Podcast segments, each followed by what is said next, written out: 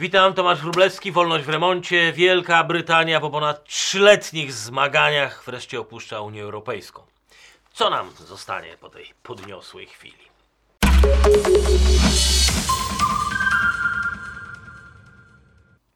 Jeżeli śledziliście brexitową debatę, to pewnie już wiecie, że za rozpad odpowiedzialna jest ksenofobia i nacjonalizm, a konsekwencją będzie dewastacja gospodarcza królestwa. Fascynujący jest ten wysyp ekonomicznej troski, a w szczególności precyzja. Precyzja, jaką prognozowana jest zapaść gospodarcza Wielkiej Brytanii, często zresztą przez instytucje, których uwadze wcześniej umykały takie zdarzenia, na przykład jak kryzys 2008 roku, kiedy na przykład później prognozowały drugi kryzys, to właśnie przychodził boom. Jak to zauważył niedawno zmarły Sir Roger Scruton, to nie ekonomia była istotą referendum, tylko tożsamość narodowa. To, kim jesteśmy jak rozumiemy naszą wolność. Skróton. Jak rozumiemy naszą wolność, a nie to, ile stracimy, czy na tym zarobimy. Ja twierdzę, że Brexit jest przełomowym wydarzeniem w historii zachodniej cywilizacji. Nie tylko dlatego, że zapoczątkował proces dezintegracji niedemokratycznej Unii, ale przede wszystkim dlatego, że jest wypadkową starcia dwóch konkurencyjnych nurtów polityczno-społecznych definiujących, definiujących spór o państwo i sięgający początków oświęcenia i nowożytnej Europy. Idei, jaką zaraził niegdyś pół świata francuski filozof, pisarz, przedsiębiorca Voltaire. I po drugiej stronie kanału świata brytyjskiego filozofa, ojca konserwatyzmu, świat Edwarda Burka. Ale to Voltaire swego czasu stworzył zręby tego, co później nazwiemy sobie liberalną demokracją, a wtedy on to nazywał mądrą monarchią. Wciąż monarchią, ale taką, gdzie jest, gdzie miejsce księży i arystokracji zajęliby ludzie mądrzy, uczeni, postępowi, myślący przyszłościowo, tacy jak Voltaire. Ideę zresztą bardzo elokwentnie opisał w eseju o historii uniwersalnej e, zachowania i duchu narodów. E, Takim wolterowskim państwem mieli kierować właśnie mędrcy powoływani przez monarchę. Y, Oni byliby doradcami, ministrami i mieliby wyłączne prawo do naprawy, reformowania państwa, a monarcha jedynie gwarantowałby swoim autorytetem ich niezawisłość. Voltaire podziwiał cara Piotra I za jego bezkompromisowe rozprawienie się z bojarami i barbarzyńskimi ich religijnymi zwyczajami. Służył na dworze absolutnego władcy Prusa króla e, Fryderyka, ale też był mentorem dla europeizującego się dworu wyzwolonej z norm obyczajowych carycy Katarzyny, która jak twierdził, w imię postępu ujarzmiła fanatycznych religijnie Turków i Polaków. Zresztą Polakom e, Voltaire poświęcił co najmniej osiem pamfletów. Wszystkie koncentrowały się na naszej e, dusznej religijności, niezdolności do samorządzenia, a nielicznych uciskanych jeniowierców broniło jedynie cesarstwo, wspaniałe cesarstwo rosyjskie, które niosło ogarek cywilizacji na tę ziemię. Voltaire wierzył, że caryca bagnetami zaprowadzi w całej Europie tolerancję. Edmund Burke, ojciec współczesnego konserwatyzmu, wręcz przeciwnie, upatrywał rozwój ludzkości w zdolności do konserwowania tego, co stanowi o sile narodu. W rozważaniach nad rewolucją francuską pisał o postępie, który służy celowi, a nie rzucaniu się w otchłań, postępowi dla samego postępu. Chcę, żeby to wybrzmiało nam tutaj, żeby to nam dobrze wybrzmiało, jak głęboko zakotwiczony jest nas ten spór między postępem jako wartością samą w sobie, a postępem polegającym na udoskonalaniu świata, uwzględniającym naturalny konflikt pokoleń, ale bez zrywania pokoleniowej ciągłości. Spór znalazł odbicie w konstrukcji systemów polityczno-prawnych na całym świecie. Tego zrodzonego z kodeksu napoleońskiego, konstruowanego odgórnie, a następnie komunikowanego w dół po drabinie społecznej obywatelom, tak żeby każdy dowiedział się, co im wolno, a czego im nie wolno. I po drugiej stronie anglo- angloamerykański model, gdzie wolność jest prawem nabytym, a zakazy ustalane są tylko tam i wtedy, gdzie obywatel, egzekwując swoje prawo do wolności, krzywdzi drugą osobę. Jedni i drudzy mają swoje parlamenty, premierów, rządy, partie polityczne, ale to są dwie rozmaite wizje demokracji. I zresztą to wróci do nas po II wojnie światowej w postaci dwóch sprzecznych wizji Europy, Jean-Jacques'a Moneta i Churchilla. Monet, ojciec, założyciel Unii, przekonany był, że pokojowa i demokratyczna Europa może powstać tylko na gruzach suwerenności narodowej. Ostatnie przesłanie Moneta, spisane w jego wspomnieniach, brzmiało: Suwerenne narody przeszłości nie są w stanie rozwiązywać problemów teraźniejszości. Nie mogą zapewnić własnego postępu ani kontrolować swojej przyszłości, a sama wspólnota, pisał Monet, to tylko etap na drodze do zorganizowania świata jutra. Świata, który Churchill uważał za anachronizm. W reakcji na pomysł Moneta stworzenia takiej arbitralnie powoływanej wysokiej komisji, której decyzją musiałaby się podporządkować e, wszystkie państwa narodowe, powiedział znamienite słowa. Jeżeli Brytania musi wybierać między taką Europą a otwartym oceanem, to będzie musiała wybrać ocean. Ja tylko dla jasności dodam, e, że to nie była jakaś emocjonalna reakcja na słowa Moneta, bo jeszcze w 30 roku, na długo przed wybuchem II wojny światowej, Churchill w Sunday Evening Post pisał: Mamy własne marzenia i własne cele. Jesteśmy z Europą, ale nie z niej zrodzeni. Jesteśmy powiązani, ale nie połączeni. Jesteśmy zainteresowani, ale nie wchłonięci. I już po wojnie, w 1947 roku, na zakończenie londyńskich obrad o przyszłości Europy, mówił Churchill o świątyni światowego pokoju, która miałaby cztery filary. Y, Stany Zjednoczone, Związek Radziecki, Stany Zjednoczone Europy oraz całkiem osobno Imperium Brytyjskie. I to był tak naprawdę jedyny punkt, w którym Churchill i Monet byli zgodni. Gdyby powstały Stany Zjednoczone Europy, byłoby to bez Wielkiej Brytanii. To pisze Christoph Booker w książce Wielkie Oszustwo. Ostatecznie przy sprzeciwie Francji pod pewnymi warunkami Wielka Brytania przystąpi do wspólnoty, do wspólnoty europejskiej w 1963 roku, obawiając się zbytniego wzmocnienia gospodarczego Niemiec i izolacji gospodarczej wysp. Unia Europejska od początku zaprojektowana była trochę jak droga do piekła. Pełna pokus, ale bez drogi ewakuacyjnej. Już w swojej pierwszej wersji projektu wspólnoty Monet zawarł zapis, że zgodę na opuszczenie muszą wydać jednocześnie wszystkie państwa. Monet stworzył też dwa takie genialne narzędzia, narzędzia do dalszego przejmowania kompetencji od państw narodowych. Pierwsze to było y, więcej wolności rynkowych za mniej wolności politycznych. Z każdą po prostu nową przestrzenią społeczno-gospodarczą, która miała być uwolniona w Europie, komisja przejmowała wyłączne kompetencje w tej materii. Polityka handlowa czy rybołówstwo. I decyzje zapadały teraz w gronie ekspertów, ludzi wolnych od decyzji wyborców. Kolejne państwa, które dalej przystępowały do Unii Europejskiej w ramach ustaw dostosowawczych, uznawały też automatycznie zwierzchność unijnych organów. Drugim takim instrumentem było rozszerzenie procesu integracji na obszary nieobjęte traktatami rzymskimi. Wszędzie tam, gdzie pojawiał się konflikt, komisja e, stawiała się w roli arbitra, przejmowała kompetencje e, dzielone z intencją na wyłączność. Zresztą Monet fantastycznie to opisał w swoim pamiętniku. Zawsze wierzyłem, że Europa zbudowana może być tylko z kryzysów. Jej instytucje będą wypadkową programów ratunkowych. Geniusz Moneta możemy obserwować na własnej skórze. W tej chwili konflikt sądowniczy nie tylko pozwolił Unii Europejskiej podjąć interwencję, ale też pojawia się zapowiedź przeglądu praworządności sądownictwa wszystkich państw, co dotychczas było poza kompetencjami Unii. Mówię o tym, bo choć dla wielu z Państwa to jest oczywiste, to dla Brytyjczyków wychowanych w kulcie prawa zwyczajowego przyjmowanie często abstrakcyjnych regulacji, nie wywodzących się z lokalnej tradycji, było naprawdę szokiem poznawczym. Brytyjczycy są niezmiernie przywiązani i dumni ze swojego prawa zwyczajowego i tego, że pracowali na to, pracowały na to dziesiątki pokoleń.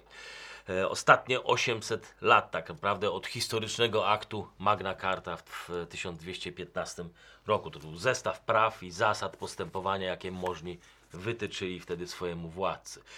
W zasadzie wymusili na Janie bez ziemi.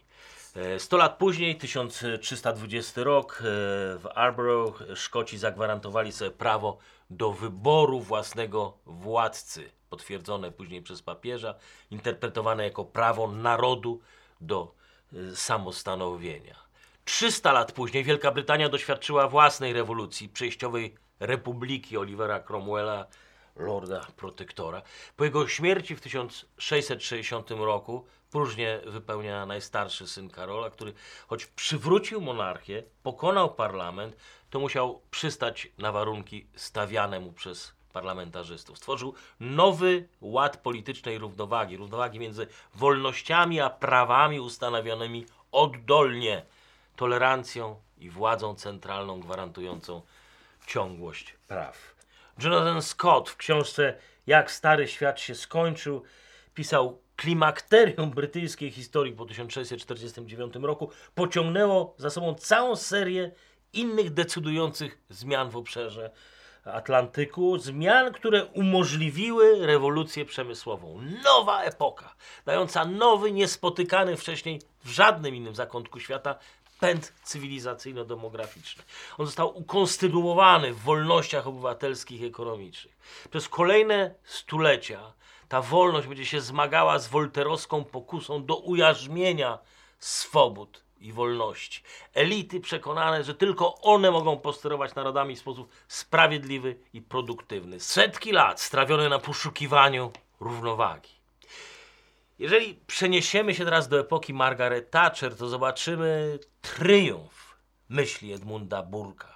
Triumf Burka nad Wolterem. Myśl systemowo-polityczna odwołująca się tak naprawdę do istoty brytyjskich doświadczeń. Pisał o tym zresztą Charles Moore w biografii Thatcher. Thatcheryzm połączył cztery elementy. Wsparcie dla wolnej przedsiębiorczości, asertywny nacjonalizm, zobowiązanie dla wzmocnienia państwa za pomocą mechanizmów rynkowych, w celu zwiększenia wydajności i dodajmy jeszcze do, do, do, tego wiktoriańską, tytaniczną pracę w duchu odpowiedzialności obywatelskiej. Cztery filary składające się na brytyjską unikalność, a wymykające się, wymykające się ateistycznemu liberalizmowi Voltera i ponadnarodowego instytucjonalizmu demokratycznego Moneta. Konserwatyści Borysa Johnsona zdają się wracać właśnie do korzeni, do churchillowskiego prymatu narodowego i moralnego kapitalizmu Margaret Thatcher. Ale to, co dziś wydaje nam się prostą kontynuacją, nie było tak oczywiste jeszcze trzy lata temu. Unia Europejska zostawiła na brytyjskiej polityce silne piętno tego wolterowskiego, czy jakbyśmy dzisiaj powiedzieli, progresywnego myślenia liberalnej Europy. Referendum w 2016 roku to na swój sposób takie magiczne doświadczenie dla Wielkiej Brytanii, kiedy wyjęto głosy z nurn, okazało się, że większość wyborców, większość Brytyjczyków nie ma praktycznie swojej reprezentacji w brytyjskim parlamencie. Unia zmieniła nie tylko prawa, regulacje, wymusiła także określone postawy polityczne nawet wewnątrz partii konserwatywnej. Po referendum zobaczymy jak na dłoni, zobaczymy to w postaci czynnego oporu wielu polityków zasiadających zresztą po obu ławach, po obu stronach Westminster. Niezrozumiałe wolty, ogromna presja społeczna, straszenie a to zagładą ekonomiczną, a to izolacją, ostracyzmem, wszystko byle odsunąć werdykt w czasie. Chwilami, jak pamiętamy, Brexit wydawał się już nie do uratowania.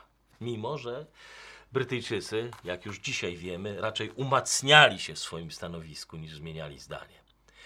Ale nigdy nie dowiedzielibyście się tego z największych europejskich gazet.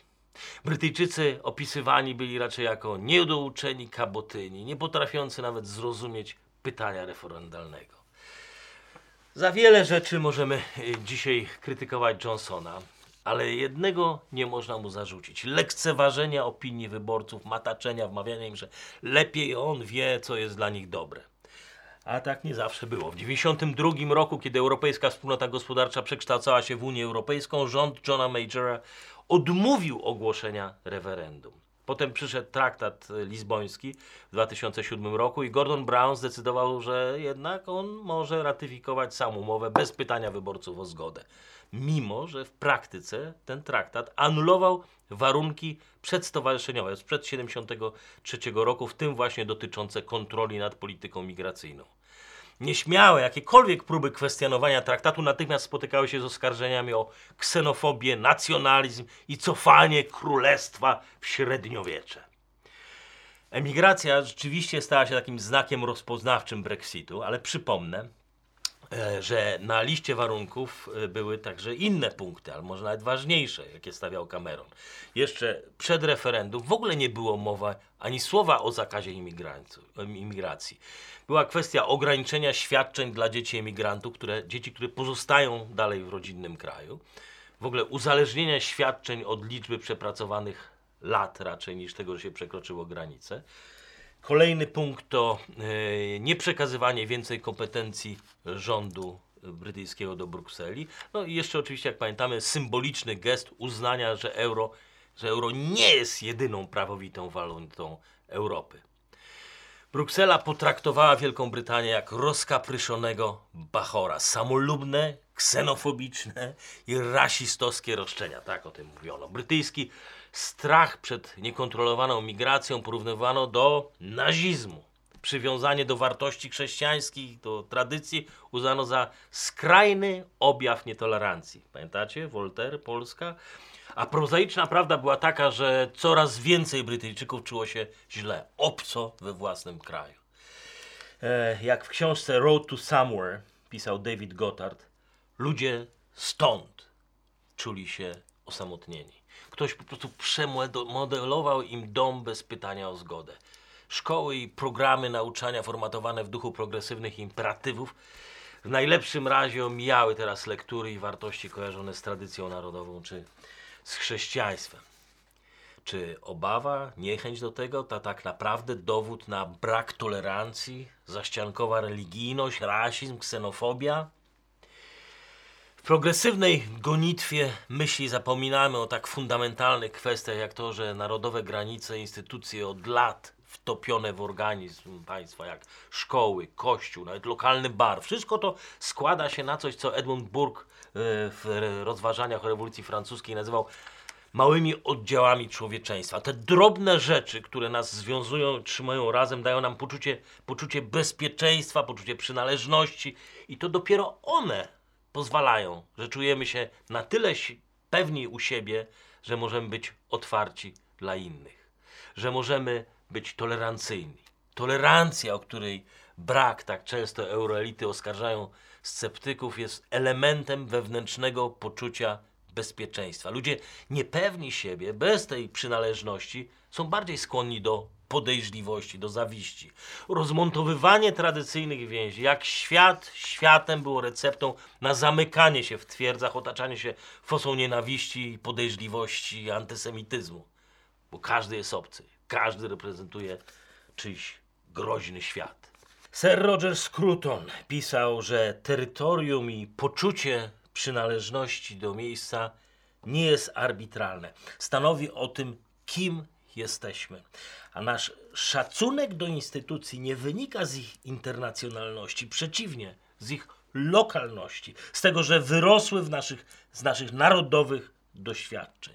Zrywanie z przeszłością, przewidywalnością zawsze było domeną totalitarnych reżimów niedemokratycznych. To Stalin cały swój reżim zbudował na ludziach wyrwanych z naturalnego środowiska, ludzi pozbawionych przyczółków i bezpieczeństwa. Miotał tymi narodami z jednego końca imperium na drugie. Zmieniał cerkwie w lodowiska, mordował profesorów i z psychopatów robił policjantów. Ja nie twierdzę, że Unia Europejska jest wcieleniem komunizmu, bo nie jest. Twierdzę jedynie, że w swojej krucjacie na rzecz ponadnarodowego społeczeństwa świadomie czy nieświadomie, nie wiem, wprowadza poczucie zagrożenia jako element nie integracji, ale zagubienia. I może, może z braku, liczy na to, że z braku tradycyjnych burkowskich oddziałów człowieczeństwa może uda im się zmusić ludzi do polegania na tej omnipotentnej merytokracji. Wolterowski koncept cywilizowania barża, barbarzyńców. Roger Ito i Matthew Goodwin w książce Narodowy populizm, rewolta przeciwko liberalnej demokracji opisali genezę tych e, przemian wewnątrz brytyjskiej polityki, rewolty oparte o, jak piszą, cztery paradygmaty. Utrata zaufania do liberalnych elit, utrata poczucia przynależności społeczno-narodowej, utrata statusu ekonomicznego, utrata więzi duchowych z tradycyjnymi partiami politycznymi ich credo. Tożsamość polityczna Wielkiej Brytanii teraz się zmienia i to gwałtownie. Konserwatyści zgarnęli większość głosów klasy robotniczej, zwiększają swoją przewagę wśród właścicieli firm, profesjonalistów jednocześnie nie tracą głosów najzamożniejszych wyborców. Metamorfoza podobna do trumpowskich republikanów, otwartych na klasę robotniczą, na przedsiębiorców, ale niekoniecznie na ludzi znikąd, jakby powiedział Gotthard. Ludzi przekonanych, że w ich DNA płynie prawo do cywilizowania maluczkich. Odwieczna batalia Burka z Volterem. Brexit i zwycięstwo Johnsona to przełomowy, myślę, że jest, to jest przełomowy moment dla Europy. W mowie pożegnalnej e, przed Parlamentem Europejskim mówił o tym e, Nigel Farage, architekt Brexitu. Powiedział, bo populizm staje się coraz popularniejszy. Nie przeciwko Europie, ale w obronie Europy, gdzie wolnością gospodarczą objęty jest cały rynek, włącznie z usługami, a nie tylko rynek towarów wart 35% PKB Europy, bo tak jest wygodniej dla starej Europy. Gdzie z Unią Monetarną idzie wzajemna odpowiedzialność państw, odpowiedzialność finansowa, gdzie klimat jest dobry nie tylko dla roślin, ale też dla przedsiębiorczości, gdzie laicyzacja nie staje się religią, a konkurencja dumpingiem socjalnym. I nade wszystko, najważniejsze, gdzie wyniki referendów i głosy wyborców nigdy nie będą ignorowane, no bo nie pasują komuś do czyjejś filozofii. Zapraszam na kolejny odcinek Wolności w Remoncie na kanale Warsaw Enterprise Institute, a w wersji audio w Spotify i w podcastach iTunes. Przypominam też o zapisywaniu się do naszego newslettera.